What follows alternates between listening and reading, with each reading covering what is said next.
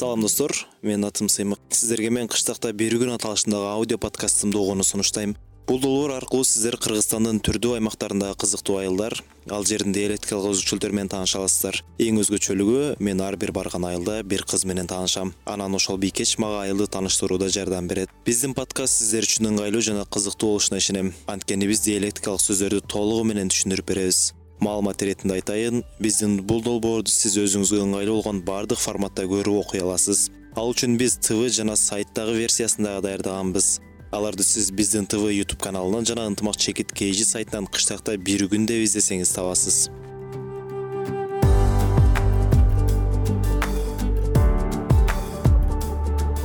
Нагима салам. Саламатсыздарбы кош келипсиздер кандай келип алдыңыздар? Жакшы көп күттүрүп койдукпу жок көп эле күткөн жокпуз. Кириңиздер үйгө. Кирип уруксат алып чыгалы. Жүрүңүз кандайсыз эже жакшысызбы кандай жакшысыңарбы келгиле. Келдик. Атайын кыштакта бир күн программасынан. Бизге бир кыз жардам бериш керек. Бүгүн бизге ошол сиздин кызыңыз нагима жардам берсин уруксат бересизби? Уруксат уруксат берем. Программанын шарты боюнча мен айылдын жашоосун жашап көрүшүм керек үй жумуштарын нагимага жасашам бүгүн. Болобу макул болот. Келгиле үйгө киргиле. Жумуштан баштайлы?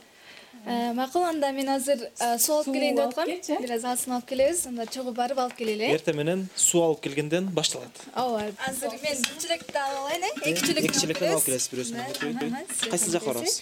азыр бул жактан барып жогору жака барабыз. Ал жакта сай бар дарыя бар ошол жактан суу алып келебиз. Анда баштайлы э? Кеттик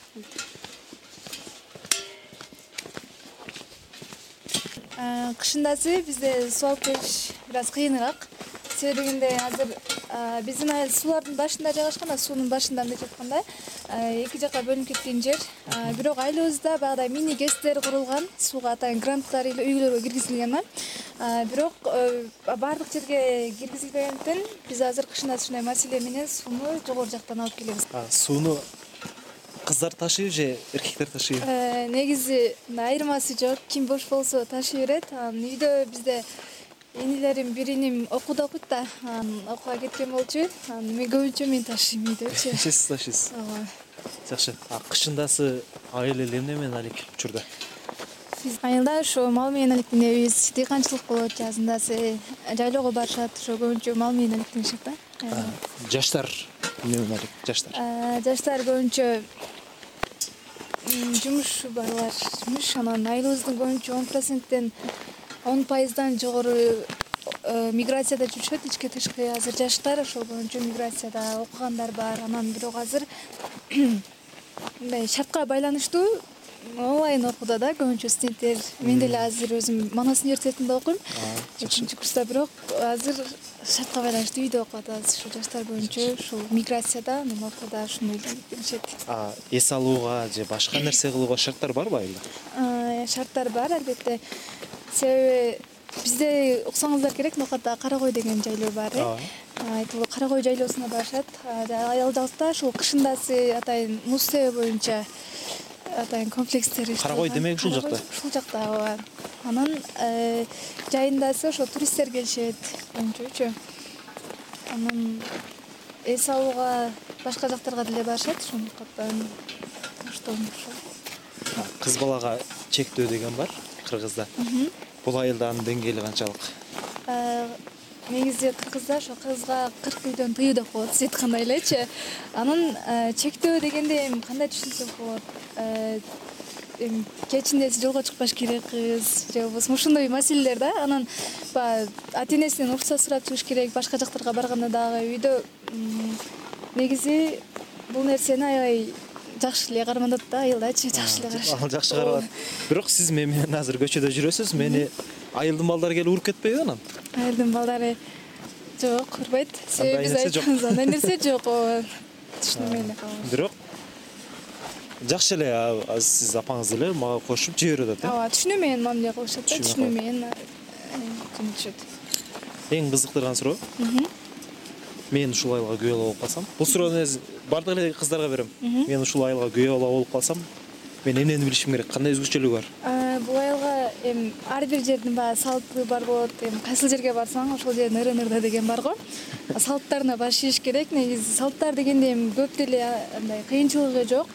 Улууну урматтоо кичүүнү узатуу дегендер бар. Анан мындай кайын журтуна мындай э, сый мамиле менен чектөө менен мамиле кылат да бул жактачы анан э, дагы мен келдим эмне кылышым керек? Негизи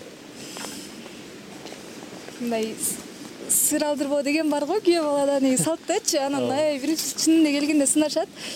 Мындай жалжакта сүйлөйбү же мындай болуп турабы короче салттарын карайбы ушул маселе бар да биздин айылдачы сыйлоо деген бар ата энесин сыйлаш керек эми баардык эле жерде ушул нерселерди карайт го деп ойлойм. Келиндер келсе кандай болот үй шыпырыш керек көчө керекпи эртең менен келиндер келсе ооба бул жакта негизи карманган нерсе бул эртең менен туруп үйлөрдү жыйнап эшиктерди шыпырыш керек да келинчи азыр. Как раз эле келип калдык бул жака жаңы келин түшкөн Э, жакында элечи бирок э, ушул жерлерди эртең менен шыпырат болчу да кар болобу жазында болобу кышында болобу мындай эртең менен шыпыруу бул бизде салт да кар болсо карын күрөш керек. Карын күрөш керек. Анда бул жака келип калдык. Э, сууну ушул жерден алабыз. Сай дегениңиз ушул сай дагы бар бирок биз сууну ушул жерден алабыз оңоюраак. А бул жакта канал бар ооба. Сайдан бөлүнүп чыккан суу. сай бөлүнүп чыккан ооба. Сайдын бою суу экен. Ташка өтүп алайын э? Ташка өтүп? Мен алсамчы? Суу кап албайсызбы жок. Күйөө баланын ушинтип сынап көрүшөт да. Бул жакта чоң кара таш турат маңдайыбызда. Бул кандай таш бул жак негизи таштар көп өзүңүздөр көргөндөй эле. Бул жерде сиз айткандай кара таш деп чоң таш бар. Бул таштын атына биздин көчөнүн аты коюлган да. Көчөбүздүн аты кара таш деп аталат. Коюлганын себеби ошол бул жакта тоолор бар. Анан э, бул чоң ташты көрсөңүздөр ушул таштын атына коюлган. Анан бизде кыр деп коет. Жайындасы бул жака уйларды айдайбыз. Уйларды айдап. Эртең менен айдашат. Анан кечиндеси кайра айдап келип саап эме кылышат да. Таштын аты ошол э, жолдун аты жолдун атына коюлган да. Таш кара таш деп аталат. Чоң таш болгондуктан аябай чоң таш да. Айылда дагы кандай кызыктар бар? Белгилүү адамдар чыкканбы балким биздин айылыбыз негизи э, аты кыргыз ата деп коюлган да. Анан көптөгөн э, чыгаан инсандар чыккан бул жактан. Мисалы биздин асамидин мариповду айтсак болот азыр ноокатта оорукананын жетекчиси. Андан сырткары көп көп эле бар айылда чыгаан инсандардан. Э, айылдык аймакта ошол мектептерди ачкан мисалы парпиев абдыжалал агай болгон раматылык ал да аябай күчтүү инсан болгон.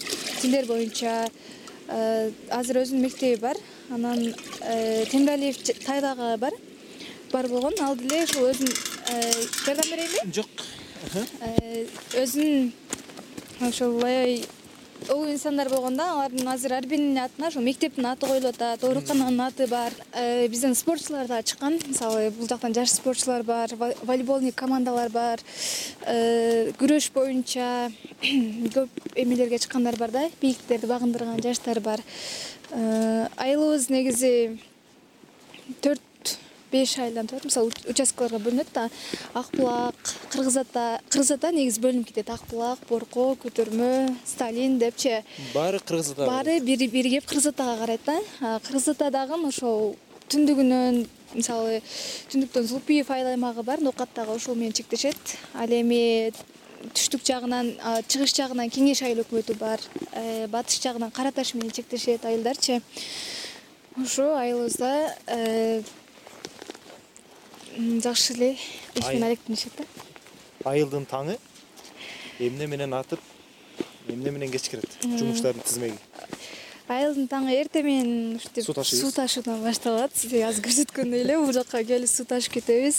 Андан кийин ошол үйгө от жагуу менен азыр эми кышындасы үйдү жылытыш керек да от жагабыз анан э, мал кароо отун даярдаш керек ага аны жагыш керек үйдү ысытыш керек. Эми айылда ошондой шарттар. Анан э, мал кароо менен уй сайт э, чөп кыркат ошол сыяктуу да мени келет деп отун даярдап койдуңуз анан ооба азыр барып отун кыркалы э анда отун кыркып алабыз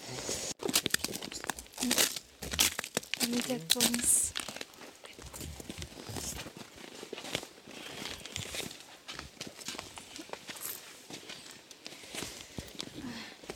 кайсы жер болуптур бул жака кайда үйгө алып келебиз? Анан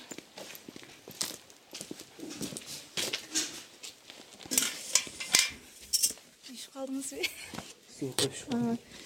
Ушинтип отун даярдайсыңар кышка ооба кышка отун даярдайбыз эртең менен бизде айында уул балдар жарат негизи.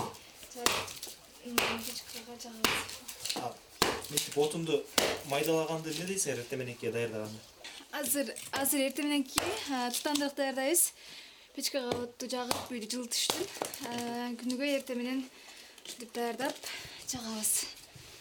Дыйканчылыкта эмнелерди эгесиңер дыйканчылыкта көбүнчө картошка сабиз чеснок пияз эгилет помидор баардыгы эле бар негизи. Анан көбүнчө алма дагы нокуттун алмасы деп коет го. Ооба. Алма алманы эгип алма менен алектенишет да картошка менен бак бар. Дарактардачы өрүк бар. Анан алма бар кайнолуу биялка деп коет. Арба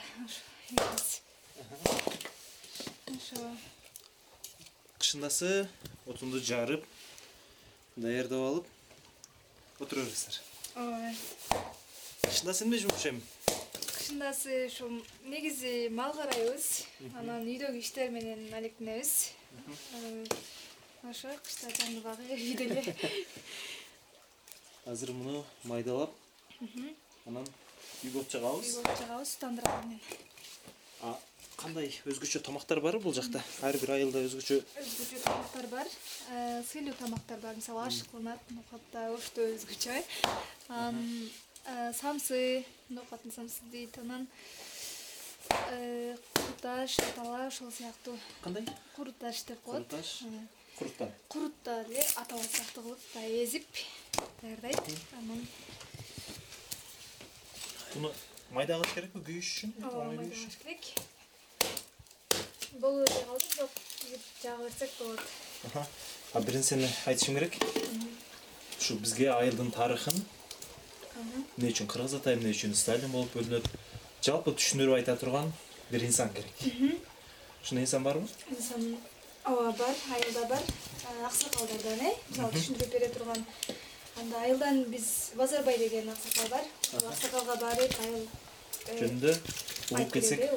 анда ушул барып келели анда жаап дагы мындай физикалык көрүнүшүн картасын караганда айдын бир чекеси мындай коюп алгандын ордундай жер. Башкача айтканда мына бел деп коебуз бел айыл өкмөтүнөн мына жагы ишанов айыл өкмөтү көк бел эки белдин ортолугу кичилай тоо кыркасындай кармап турат. Ошол аралыкта беш дара бар. Бул котчан дарасы анан мына шаңкол анан кыргыз ата дарасы анан чечме сай анан чили сай деп ушул беш даранын эң чоң дарасы ушул кыргыз ата дарасы. Ушул даранын дүйнөлүк мааниси бар. Кандайча? Бул дара өзүнүн кеңдиги боюнча чоңдугу боюнча. Анан кийин башы барып эки корпустан турат. Күнбатыш күн чыгыш. Күн чыгыштагы тарабы кумбел кызыр ата деп бир мазарыбыз бар. Анан күнбатыш тарабы алтын бешик тоосу ошентип бул дара башында толугу менен арча массиви турат. Арсланбаптай ошол арча массиви дүйнөдө экинчи орунда экен. Муну эми баягы экспедиция жүргөн баягы эл кыдырып жүргөн жер кыдырып жүргөндөр айтымында башкача айтканда франциянын экспедициясы келип көрүп ушу жыйынтыктап анан ленинграддын окумуштуулары келип жыйынтыктап ушул дүйнөдө экинчи орунда экени арча массиви менен көргөзгөн. Ошол адигиненин алты уулу болгон да э? Сандраны билсең керек. Ал кимдер? Бөрү жоору баргы тилакмат саар туруусу анан кийин калыгул ошол алтоонун бөрүсү бир жылдардын жылында булар негизинен мынабул арабандын маңгытында жайгашып жүргөн экен. Илгеринен илгерки мурунку санжырада анан бул жака мындай э, мал жайбай жайлоого чыккан катары жүрүшкөн экен. Анан ошо жылдардын бир жылында бир убактарда ошо илгерики бул айтымдар да эми ошол э, бөрү бубабыз э, кыдырып айланып баары жокту көрүп жүрүп анан кийин баргы укасы да баргы мен эмне кылып жүрөмүн? дептир мен курук каламмы дептир эми ал да көрдү да бар жокту мен жөн эле кала беремби десе ушундай колун булган экен мына ушу таштан буягы сеники деп. Мына бел тарабы. Таш дегени мынабул жерде кара таш бар мына кара таш. Көрүп келдик азыр. Кара таш бар. Кара таштын желкесине чыксаңар айыл полный ноокат өрөөнүн мына бөлүгү даже ооба мына күнчыгыш бөлүгү полный көрүнөт. Ошол нор жагы кара таш болуп э, аталып калган дагы бул орус заманында калин колхозу болуп мына нор жак жүргөн анан о нор арактан биздикилер ээлеп алып тосуп алып эме кылып жүргөн. Кийинки бир айтымдарда нух пайгамбардын мекени деп айтылып калды. Ушул жерде. Ошол мезгилде нух пайгамбардан чыккан аталыш болуп калса керек себеби дегенде биздин мына жерде мына телманда азыр бир илгертен бери эле дөңдөр бар жер көтөрүлгөн дөңдөр бар го арабанда мына төлөкөндө дагы ушу көп жерде. Ушул жерде баягы тоонун алды менен нары жака алыгы жерди сүзүп көөлөп атканда немелер чыккан. Жердин астына дагы неме коебуз го? Водопроводдун буюмдары колонкалары мындай трубалары чыккан ошол жактан. Ошол мезгилде бир доор болгон экен. Мындай айтымдарда тамаш качкан улак көк белден түшүмүш экен деп. Же көк белден чыкса кыргыз атадан түшүмүш экен деген. Ушундай жак эми олордун улагы да мындай болот да. Чоң болот кийиттей болот да. Ол мезгилден. Ошондой айтымдар бар. Анан мына жакта бир палман таш деген мына шамшилдин ичинде палман таш бар. Ал таштын пайда болушуна дагы ошол доор туура келет. Ошентип отуруп бул бир ошондой бир доор болгон. Дагы ошо нук пайгамбардын мекени ушул жер деген бир айтымдар бар. Ошондон калган сөз болсо керек кыргыз ата деген аталыш так бул жерде негизинен баардыгы эле кыргыздар. Баары кыргыздар. Бул жерде орус татар ингуш ошондой мындай эмелерден негизинен жок. Негизинен анан э, кыргыздар биздин мынабул айылда э, мынаркы тельманда э, татар кыздарына үйлөнгөндөр бар башка. Анан биздин айылда татар кыздарга үйлөнгөндөр дээрлик жок орус жок. Татар кыздарга кантип үйлөнүп калыштылар эми баягы согуш мезгилинде алып келген да. Бекерге алат бияктан а бул жерде пулга алайын десеп жок. А байлар бербейт кыздарын. Ошентип өзүң билесиң го баягы кайсы бир региондогулар элүү алтымышта катнала албай жүргөндөр бар. Пулу жок да бербейт байлар. Ошонун сыңары келип калган анан жашап калган. Бирок алардан кийин чыккан кыйын балдар төрөлдү кыйын балдар. Өзү кыргыздардын айтымында илгерки ошол жанакы мен айтып аткан доордун адамдарындагы байлар бийлер манап байлар болот кыргыздар төрт категориядан турат да.